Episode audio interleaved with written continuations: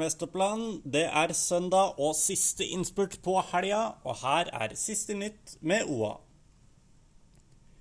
Den 73 år gamle mannen som ble meldt savnet i Snertingdalen i går, ble funnet i tilsynelatende god behold etter en stor leteaksjon som involverte mange frivillige. Mannen ble meldt savnet i halv tre-tida på lørdag, og ble funnet igjen rundt midnatt. Mannen skal ha kjørt en elektrisk scooter da han forsvant fra omsorgssenteret. Du kan lese hele historien på oa.no. Etter Navs vurdering kan Sølvi Jacobsen risikere å måtte leve for drøyt 5000 kroner i måneden når datteren Erika blir 18 i desember. Siden hun mottar omsorgsstønad fra kommunen for 20 timer i uka, forkortes AAP til kroner null.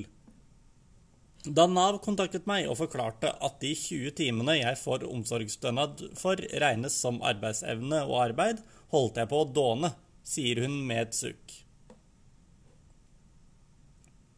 Vi kan også melde om at Gjøvikbanen er åpnet igjen etter skogbranner ved sporet som stengte linjen mellom Harestua og Oslo.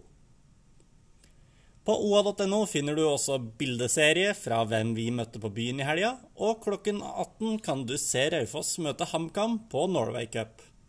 Dette var siste nytt med OA.